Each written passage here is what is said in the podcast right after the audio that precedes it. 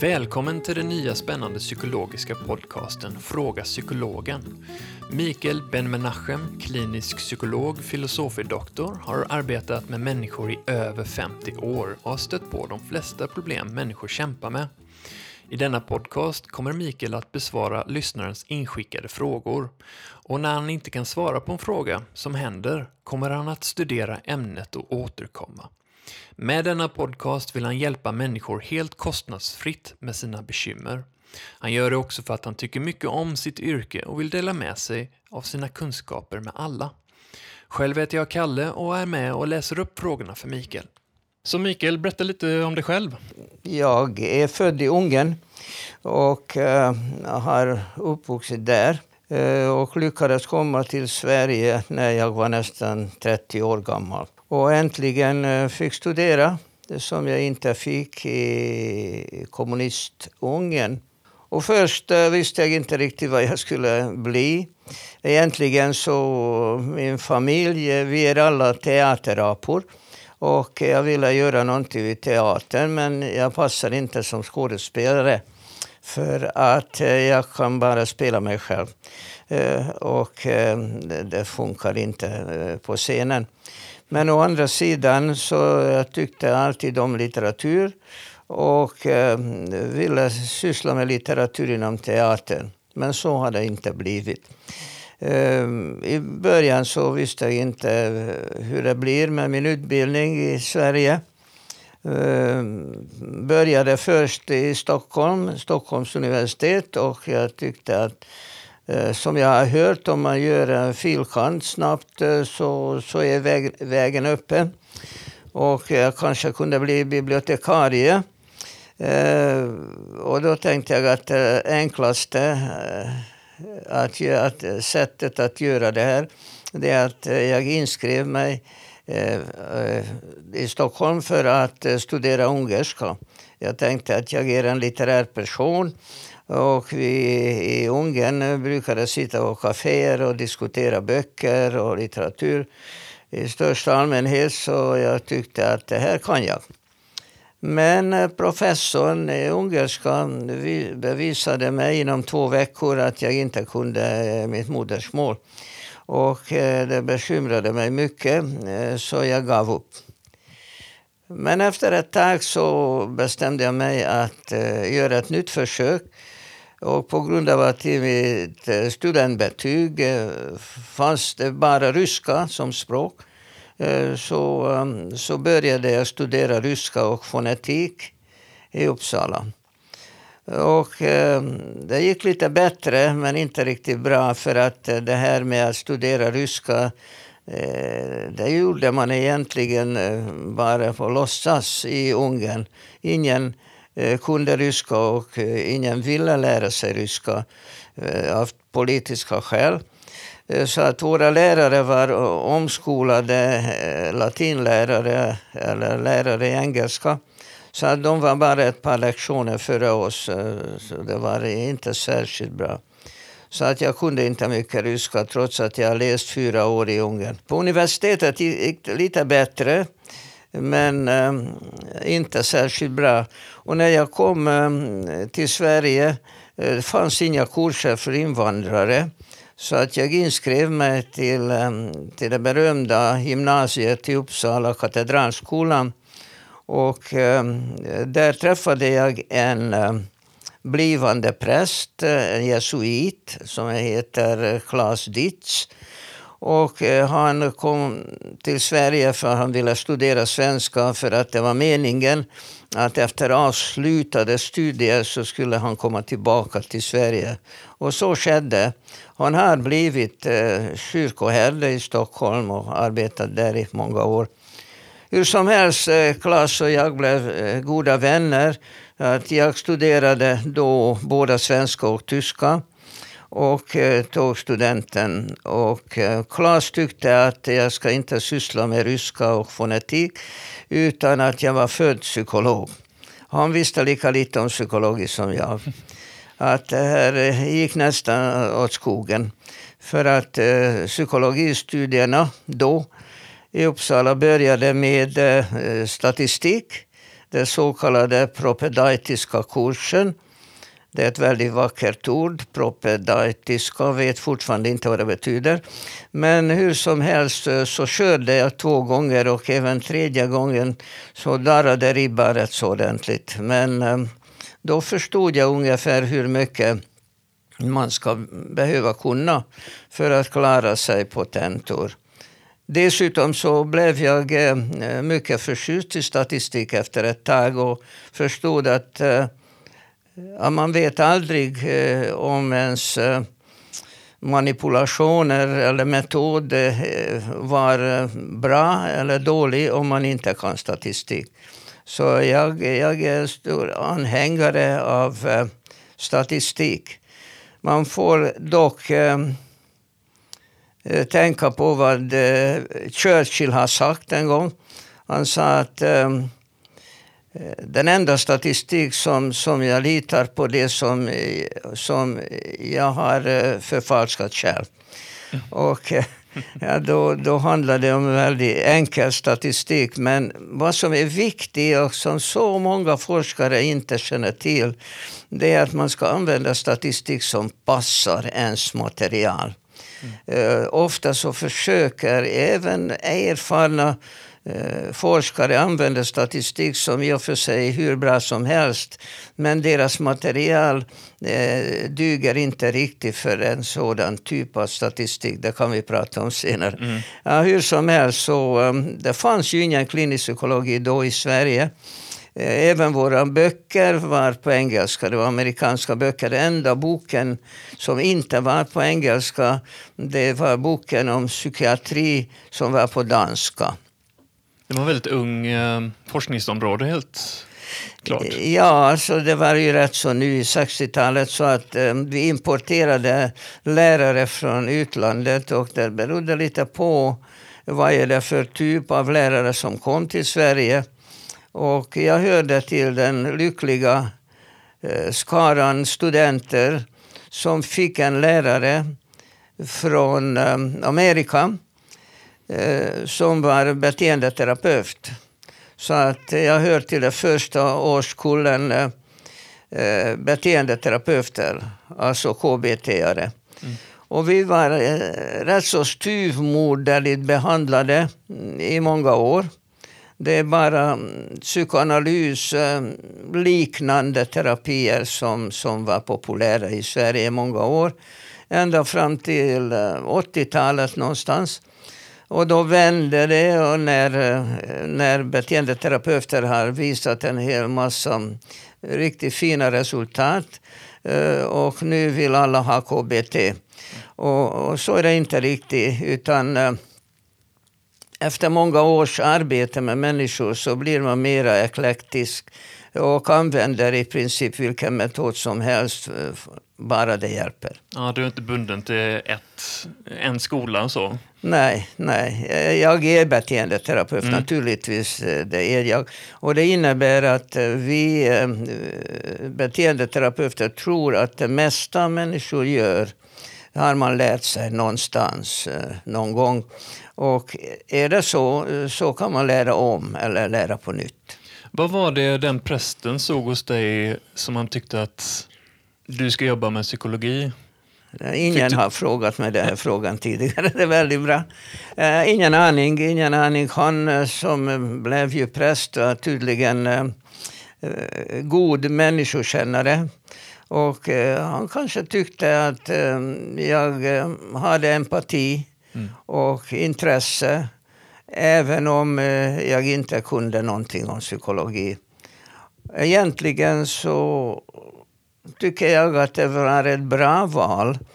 Men det tog mig några år tills eh, jag började känna mig eh, varm i kläderna. Mm. Men så här hundraprocentigt varm blir man aldrig. Nej. Jag tänkte på att du sa att du ville bli skådespelare när du var liten och sen eh, kopplar det med psykologi och båda två är att läsa av människor. Lite så. Att du kanske har det med dig? Någonstans. Ja, det är förmodligen så. Uh, nu är det också så att, uh, att jag hade tur. Jag, jag är en, en människa som, uh, som haft väldigt mycket tur i livet, måste jag säga. Även om jag hade en fruktansvärd start. För att eh, jag är jude och eh, vi samlades eh, i Ungern under sista krigsåret och skickades iväg till döden. Och eh, jag hade tur att jag överlevde, jag var bara åtta år gammal. Mm. Och sedan så ett tag så hade jag inte tur för att eh, efter gymnasiet så blev det totalt stopp för mig. Men tur i oturen att eh, jag har ju börjat eh, rita mycket redan som gymnasist och, eh, och gick till en konstnär som, som hade privatkurser. Och han berömde mina karikatyrer som jag tyckte var väldigt bra. Och jag blev väldigt ledsen. För att eh, jag ville inte rita karikatyrer, de bara blev det för att eh, jag eh, hade inte någon känsla för proportioner. Men sen lyckades jag komma in i en konstnärlig yrkesskola och där blev jag fotograf. Och jag tyckte om yrket och arbetade flera år i Ungern som teknisk fotograf. Och det var ju väldigt bra, intressant arbete och jag gjorde i princip allt inom foto. Och när jag lyckades fly från Ungern 1962 så, så arbetade jag eh, både i Israel och i Österrike som fotograf.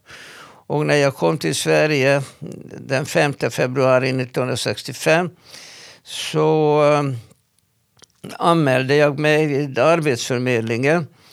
Och ehm, det var ju så att ehm, det var väldigt gott om jobb den tiden i Sverige och arbetsförmedlaren sa till mig att eh, ja, det finns eh, arbete för fotografer men språket. Och jag har fuskat. Jag har köpt mig en grammatik och en svensk eh, ordbok redan i, i Wien och började plugga. Så jag kunde lite eh, svenska efter två veckor i landet. Och eh, då säger jag till honom, vad då språk? Och då säger han, ja, du behöver kunna svenska. Och då började jag briljera. Jag sa till honom, jag talar lite svensk. Va? sa han.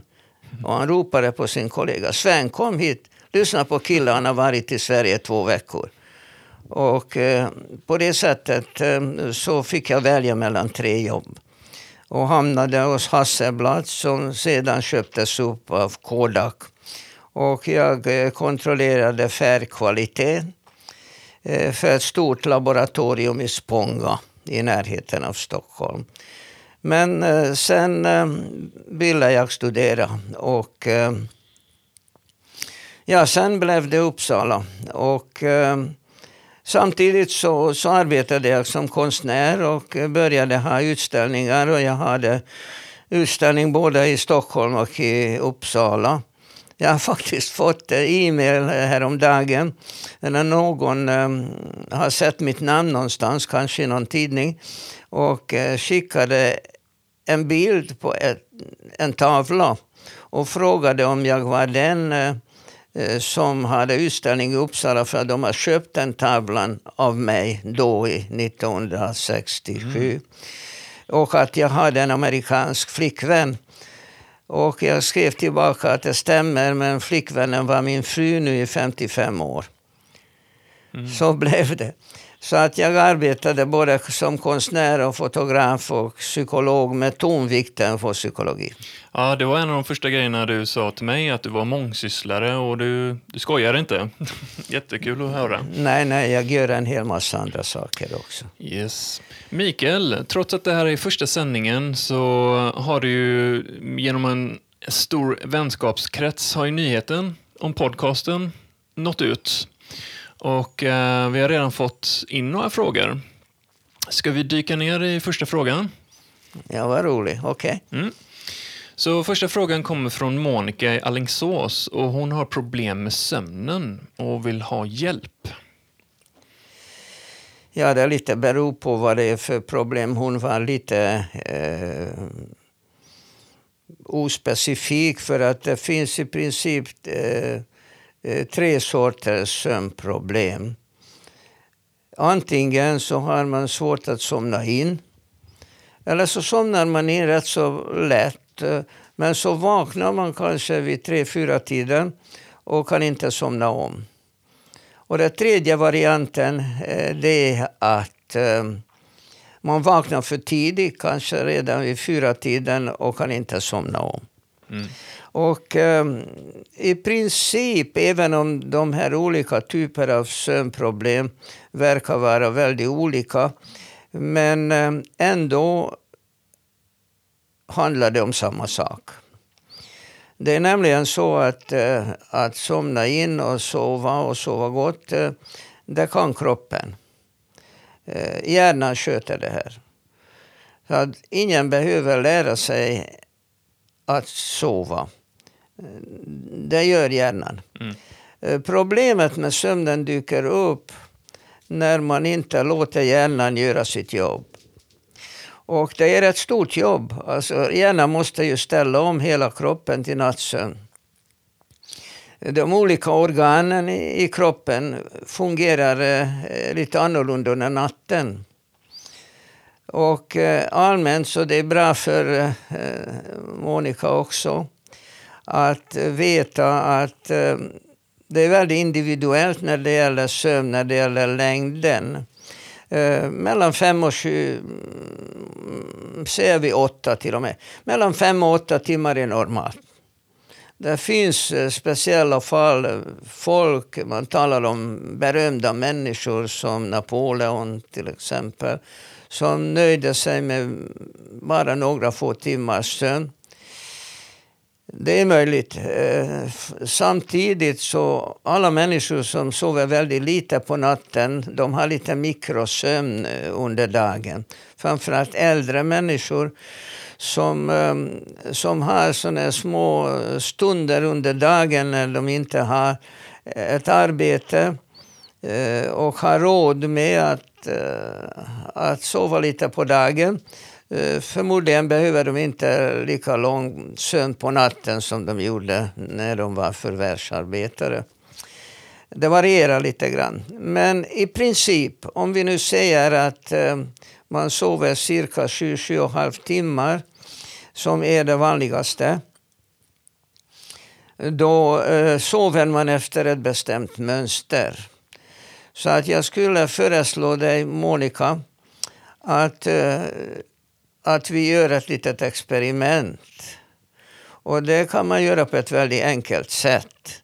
I laboratoriet på Sahlgrenska sjukhuset finns sömnlaboratorium där man kan eh, koppla olika elektroder till olika ställen eh, i kroppen. Mestadels eh, på huvudet och lite grann på ögonen.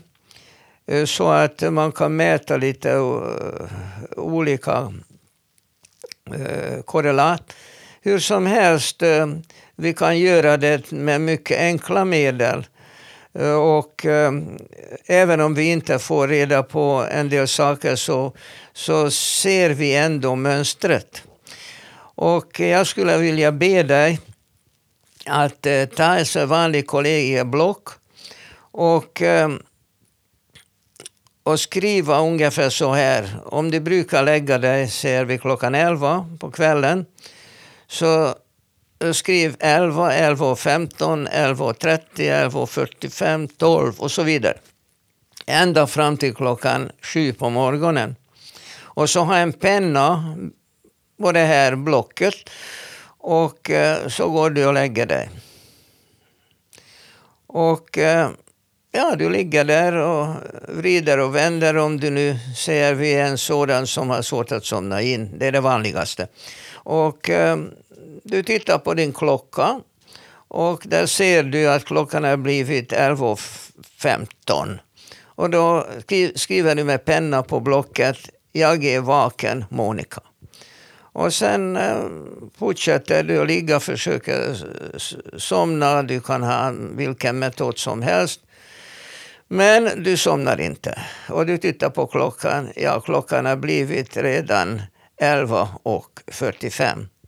Och då funderar du lite över vad som har hänt eh, klockan 11.30. Det står ingenting. Men så fortsätter du. Och på det sättet varje gång du upptäcker att du inte sover så tittar du på blocket och klockan och vid det klockslaget som står i blocket eh, skriv Jag är vaken, Monica. På det sättet, och om du gör det här en hel vecka, så kan vi titta på mönstret av din sömn. Och eh, ofta folk som har problem med sömnen, de underskattar eh, sömnmängden. Och det är egentligen inte den totala sömnmängden som är viktig, men det kan vara en bra feedback när du ser att du, du, du tyckte att du sov bara tre fyra timmar. Och om du räknar ihop det här, jag är vaken Monica, och resten som var tomma, så upptäcker du nog efter en vecka att du sover betydligt mer än vad du trodde. Och det kan vara bra för att börja med. Ja, kanske några ord om allmän eh, sömnkunskap. Det är ju så att vi, vi sover i perioder. Varje period är ungefär 90 minuter. Och efter 90 minuter sömn så vaknar vi och kanske vänder om och somnar. Eh, ju äldre man är desto mera vaken blir man efter varje period. Eh, barn brukar bara vända och somna om så de inte har en hum om att de har varit eh, vakna under natten. Men det gör vi. Efter eh, en och en halv timme så vaknar vi. Och det finns ju olika sömntyper. Man kan kalla dem för sömndjup, men det är en felaktig benämning egentligen.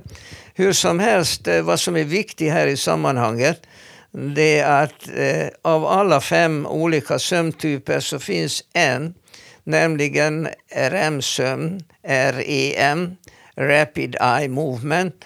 Det kan man mäta i laboratoriet genom att ehm, på ögonlocket har vi elektroder och eh, vi ser när ögonlocken darrar lite grann. Då vet vi att vederbörande drömmer.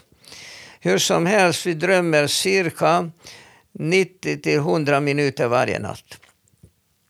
Och de här drömperioderna fördelar sig så att i början drömmer vi väldigt korta drömmar, kanske högst fem minuter.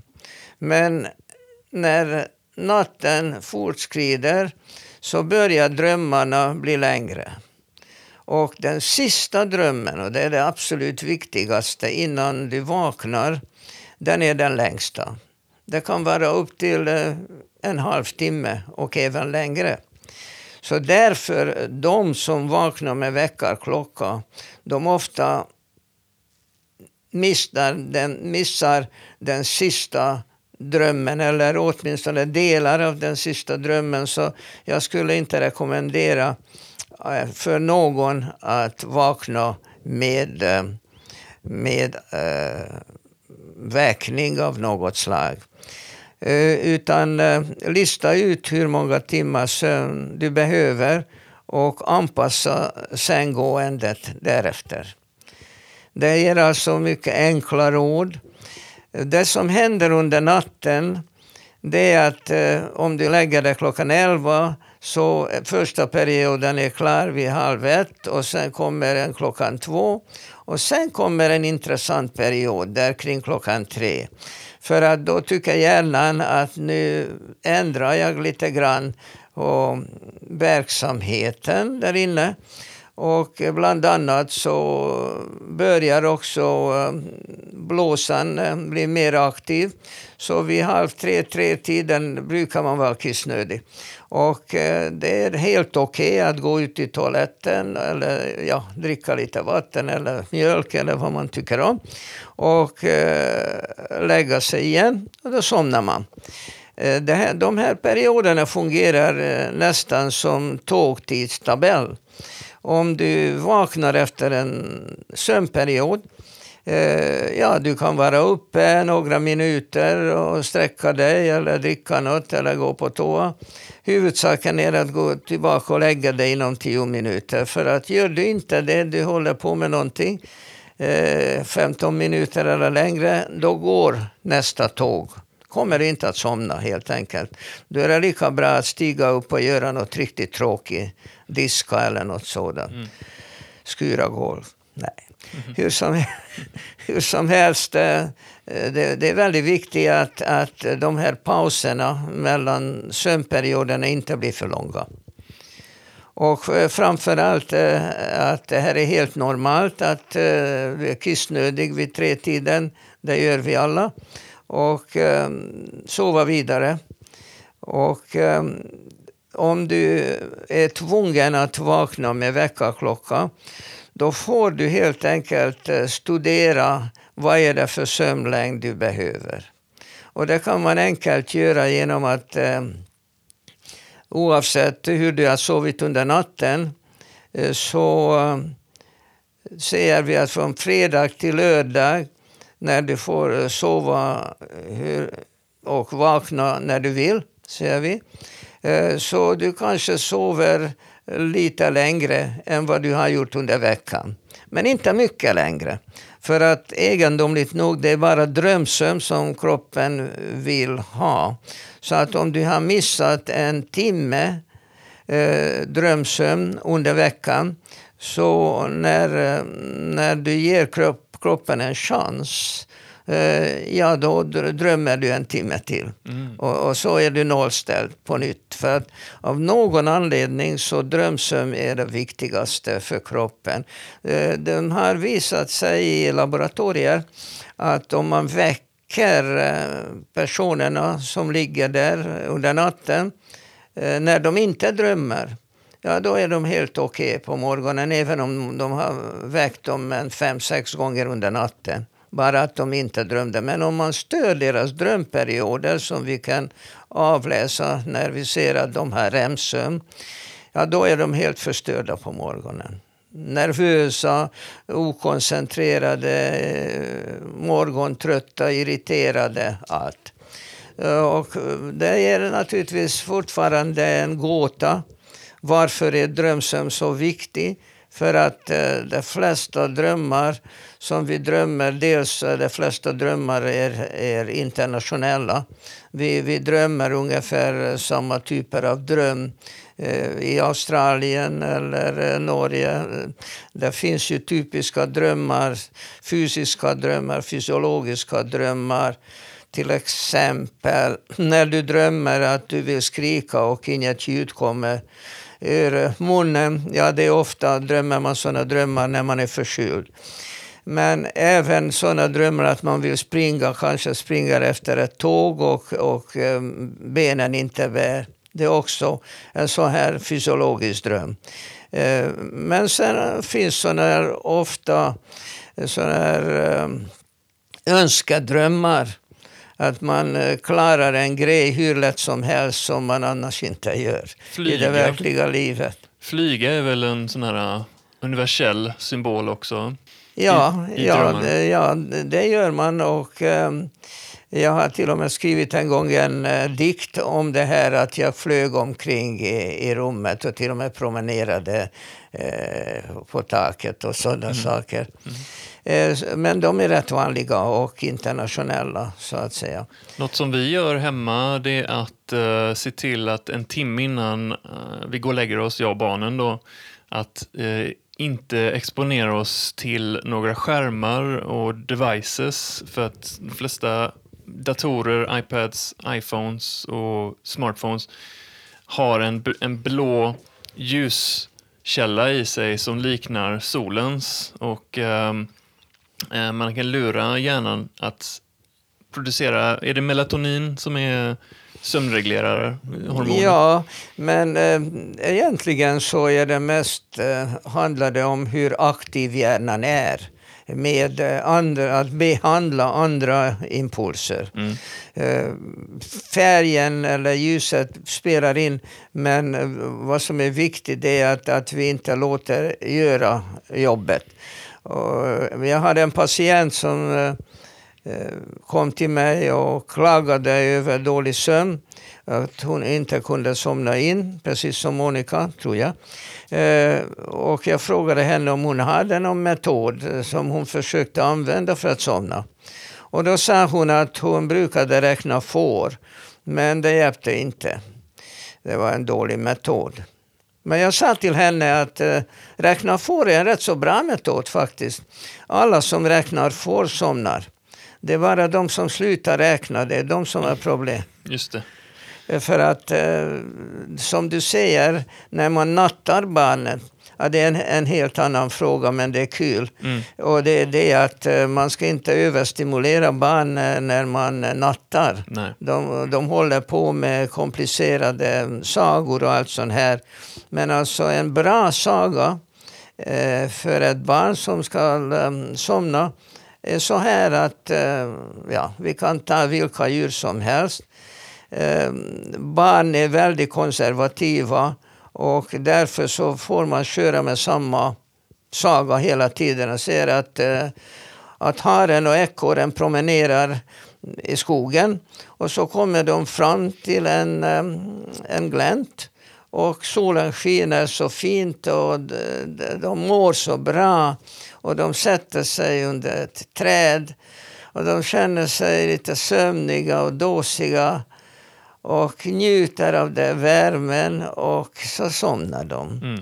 Och nästa dag så säger jag till barnet att ja, det var ju ekorren och haren. Nej, nej pappa, det är inte haren, det var... Mm. Och så de, de är väldigt konservativa, de vill att man ska berätta samma berättelse. Men det behövs inte vara mer komplicerat än så. Nej, just det.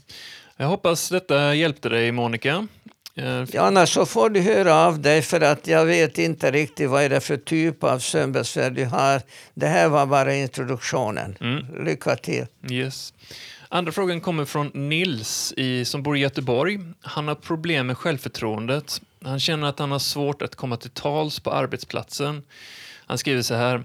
Jag är ingenjör som kan mitt yrke eh, men ändå är nervös inför varje arbetsdag. Så jag har ont i magen och måste sitta vid en stol vid entrédörren en stund innan jag vågar gå till jobbet. Hur kan jag bli av med detta? Detta är jobbigt för mig. Ja, det var inte lätt.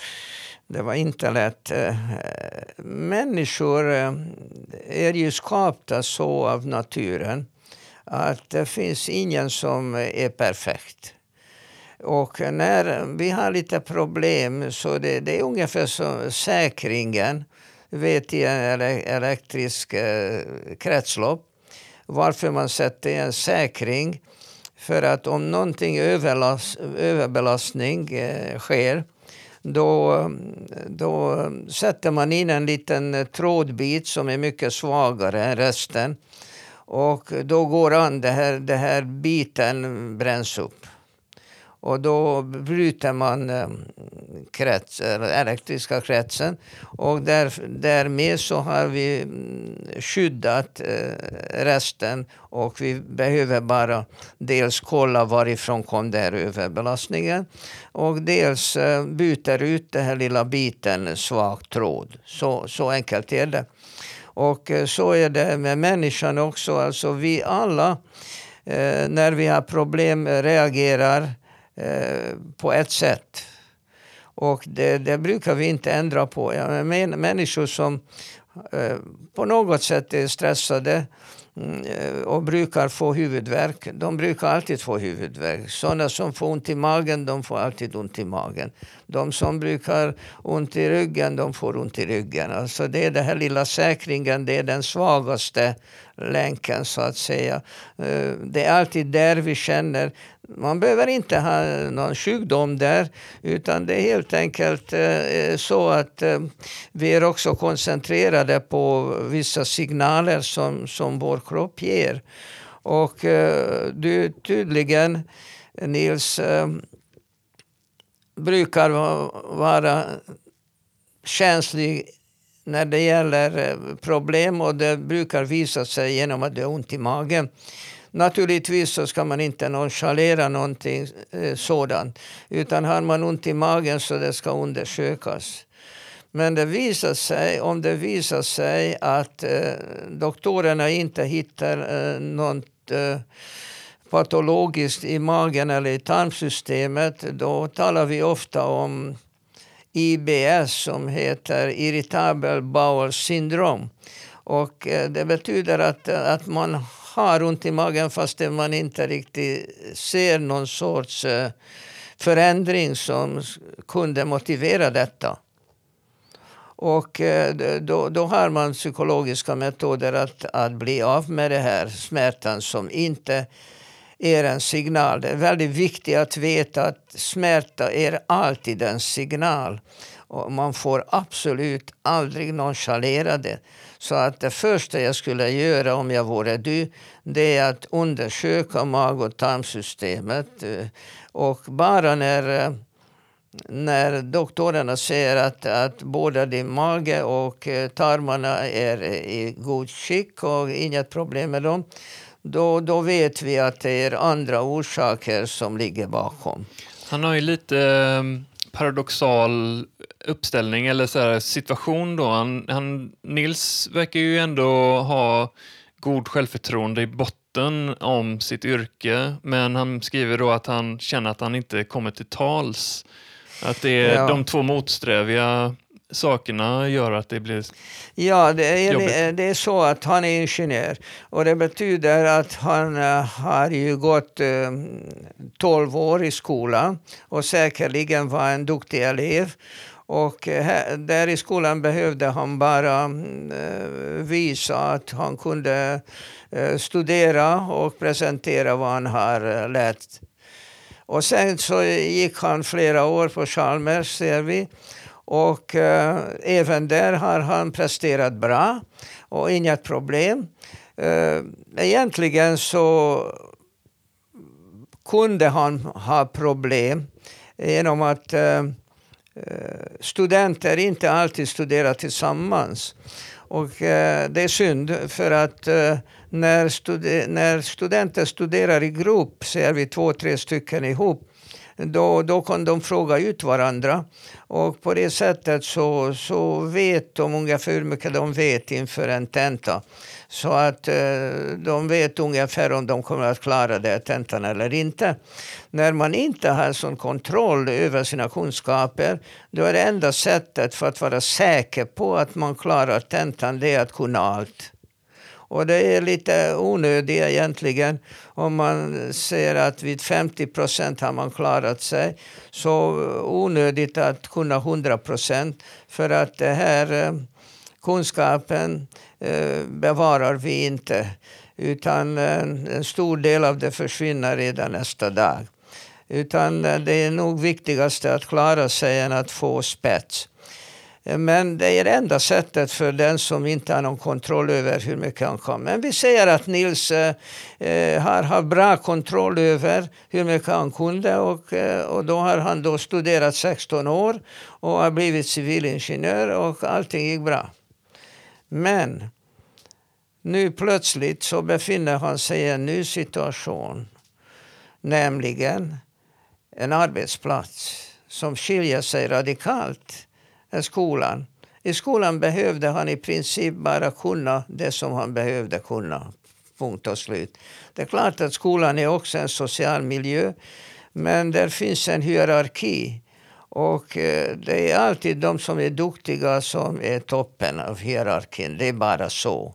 Även när de eh, inte ger betyg eller så, ändå så brukar studenterna veta exakt vem är det som är duktigast och så. Men i den här arbetsplatsen, han kanske måste leda möten. Och eh, jag vet inte om hans privatliv. Jag skulle gärna vilja veta mer om han var gift och hade barn eller bodde ensam med sin mamma eller bodde ensam överhuvudtaget. Och, och eh, brukade inte gå ut eh, eller försökte och internet eh, data och gick inte så bra. Ja, men det finns mängder med varianter som eh, kan tyda på att eh, han har problem i sociala situationer. Så att genom att, att träna honom helt enkelt att uh, i just dessa aktuella situationer, typ eh, leda möten och så vidare, skulle nog hjälpa en hel del. Men jag borde veta lite mer om detta. Ja, han behöver träna lite för att stå för sig själv då, menar du? Ja, alltså det är en ny, ny livssituation. Mm. Nu, nu, ingen som ifrågasätter hans kunskaper. Han har ju papper på det. Mm. Han är civilingenjör. Mm. Så att alla tar det givet att, att fackmässigt så kan han sin sak. Det här, I den här nya arbetsplatsen, eller den första arbetsplatsen kanske, eh, krävs något helt annat. Mm. Och som han inte har någon träning i, förmodligen. Mm. Mm. Jag tänker om det är någon slags känslomässig blockering, att han har aldrig fått träna för att um, stå för det han tycker, utan uh, när han möter motstånd så, så kanske han uh, faller ihop lätt då, liksom, att man måste öva upp lite motstånd, så säga, motståndskraft. Att han kanske saknar det. Ja, jag får berätta om en ingenjör som jag kommer ihåg. Eh, som kom eh, till mig av en, av en hudläkare för att han svettade kopiöst. Och eh, han behövde ha tre, fyra skjortor på arbetsplatsen och som han bytte flera gånger dagligen. Och eh, hudläkaren hittade inget fel på honom och han föreslog att han kanske uppsöker en psykolog. Och eh, när jag träffade honom eh, så började vi prata lite. Och det visade sig att han kom från en eh, ingenjörsfamilj. Alla var ingenjörer i familjen. Alla var duktiga. Hans två bröder, pappa, farfar, alla var ingenjörer. Han var jätteduktig. Alla var duktiga. Och så eh, kommer han till en arbetsplats, till ett rätt så stort företag. Och ehm, ja, han finner sig på arbetsplatsen och folk kommer till honom hela tiden och ställer frågor. Och eh, på grund av att han är duktig så kan han besvara frågorna men han är hela tiden rädd för att de kanske ställer en fråga som han inte kan besvara. Och eh, det, det är han inte van vid. För att eh, hemma, bröderna, pappa, de kan allt. Och han vill inte vara sämre än, än dem. Och han är jätterädd för att det dyker upp en fråga som han inte kan besvara. Så när vi började förstå det här, var skon klämmer, så började vi träna honom på arbetsplatsen. Det kommer in en anställd och ställer en fråga. Och istället för att, trots att han visste det, hur man ska svara på det, så han ska säga ingen aning. Eller, jag mm. vet inte. Mm. Jag ska kolla upp, kom tillbaka imorgon. Eller låt mig eh, studera lite grann. Ja, men Mikael, hur ska jag säga det när jag kan svaret? Ja, men vill du lösa det här med svettningen? Ja, okej. Okay. Så se det minst tre gånger om dagen att du inte har en aning när någon ställer en fråga. Han gick med på det lite motvilligt. Mm. Men efter tre veckors träning så försvann svettningen. Intressant. Släppte han kontrollen där? Uh... När han inte längre kände att, att han var absolut alltid tvungen att ge rätt svar. Mm. Just det. Det blev inte lika laddat då kanske? Precis så. Precis så. Så att eh, jag skulle gärna vilja Eh, höra från Nilsson eh, och lista ut vad, vad är det som är bakom mm. det här. Men förmodligen så är något liknande, mm. gissar jag. Ofta behövs lite mera psykologi för att vi är eh, alltid efter detaljer. Yeah. Och på grund av att människan är så unik så, så kan väl hända att just i Nils fall så handlar, handlar det om något helt annat. Bra, då har vi den tredje frågan här som kommer eh, från Göteborg, även den. Elisabeth skriver att hon har ett ny, nyfött barn och eh, formulerar på det här viset. Min lilla dotter Sara kom hem från sjukhuset. Vi fick bara vara vid sjukhuset i en enda dag. Hon skriker väldigt mycket. Det är mitt första barn och hon vet inte vad hon ska göra. Hjälp! Utropstecken. ja, Ja, det finns ju väldigt många olika psykologier när det gäller barn. Men just i, i, i den här frågan, Elisabeths fråga, är eh, inte, inte så lätt. För att eh, på grund av pandemin så eh, försöker sjukhuset bli av med patienterna så snabbt som möjligt.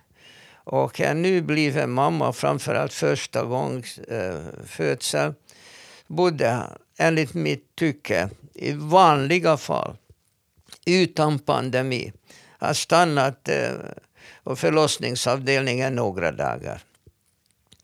Det betyder också att hon kan lugna ner sig. Det här är ju, eh, vi män kan inte fatta det här riktigt. Mm. All smärta som en kvinna går igenom vid förlossningen. Vi försöker och eh, styra hjärnan i, i det här. Men det inte alltid fungerar. Och det här är en mycket mm, traumatisk eh, upplevelse på sätt och vis.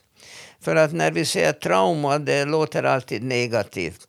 Men eh, det är ju så med smärtan att om man känner smärta så måste man veta varifrån det kommer. Som jag sa också i Nils fall, att det är väldigt viktigt att den här smärtan är signal på något allvarligt, något farligt, något negativt, någon eh, sjukdom. Eller som i Elisabets fall, så det är något underbart att, att få eh, ett litet liv till världen. Och man upplever smärtan på ett annat sätt. Men ändå så, så är det mycket, mycket stark eh, smärta, ont som kvinnan eh, känner. Och hon klarar av det här bara på grund av att hon vet att i slutändan så, så, så det blir något underbart. Det, det mm, påverkar smärtupplevelsen. När vi började syssla med hypnos i Sverige framförallt eh, Lars-Erik Unestål, som var pionjär i det här. Eh, och jag var hans eh, lärjunge. Och vi gjorde de första psykoprofylaxprogrammen i Sverige som blivande föräldrar fick träna med. Det, det hela går ut på att, att de lär känna omgivningen, att de besöker sjukhuset, besöker förlossningsavdelningen, känner personalen, att de har en sån aha-upplevelse när det är dags eh, att föda. Eh, de känner människorna omkring och vet vad det här handlar om. Och vi beskriver också själva förlossningsförloppet och eh, tränar dem att utnyttja pauserna mellan verken. Och eh, vi har prövat det. Vi har prövat det på min fru också när hon födde vårt första barn. Och eh, då satte vi bandspelare där vi har spelat in vårt program, psykoprofylaxprogram. Och det gick rätt bra upp till en viss punkt och då sa hon ta bort det här, ta bort det här. Mm. Eh, men ändå så hjälpte en hel del.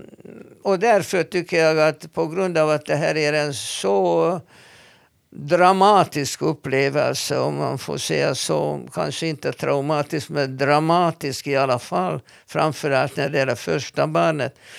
Att kvinnan bör eh, lugna ner sig lite grann efteråt. Det är inte för intet att de brukade, åtminstone då, ge lite smörgåsar efter mm. förlossningen. Mm. För att ätande vid sidan av avslappning, det är ett mycket, en mycket avslappnande sysselsättning med att ge lite en osmörgås efter förlossningen gör att, att kvinnan i frågan blir avslappnad, mm. mår bra. Dessutom så barnet är väl omhändertagen. Eh, hon behöver inte oroa sig. Hon har aldrig haft en så här liten varelse i handen. Jag vet att när vi skulle eh, bada vårt första barn så min, min hustru sa jag vågar inte hålla henne, jag vågar inte hålla henne. Så jag försökte hålla henne medan vi badade henne första gången. Eh, så att det är en bra känsla för kvinnan att det är spe speciellt utbildade eh, personal som tar hand om barnet under de första två, tre, fyra dagarna. Mm. Det är väldigt bra. Men jag tror att delvis, och det är för Elisabeth, det kan vara det att eh, komma hem från sjukhuset, eh, det var för snabbt. Dels eh, barnet är inte riktigt färdigt. Alltså en hel del organ är långt ifrån färdigutvecklade än. Och eh, barnet kan inget annat. Man kan inte läsa i internet, titta på tv och så vidare. utan eh, barnet kan bara känna något som var otrevligt eller obekvämt. Och det enda sättet, hon kan inte säga mamma vill du vara så snäll och komma fram för att jag har ont i magen. Det kan inte en nyfödd barn. Det enda hon kan göra är skrika. Eh, och, och eh, jag vill inte säga att, eh, att låta, låta henne skrika. För att det var ju grymt och orättvist av mig. Kroppskontakt är alltid det absolut viktigaste. De har gjort en hel del forskning om detta på psykologiska institutionen. Och eh, det visade sig att kroppskontakten under de första timmarna av livet är avgörande mm. för barnets emotionella utveckling. Mm. Så det är kolossalt viktigt att, att både för mamma och pappa att hålla barnet nära kroppen. Mm. Det är oerhört eh, eh, avslappnande. Barnet lugnar ner sig. Det, barnet måste ju känna sig trygg.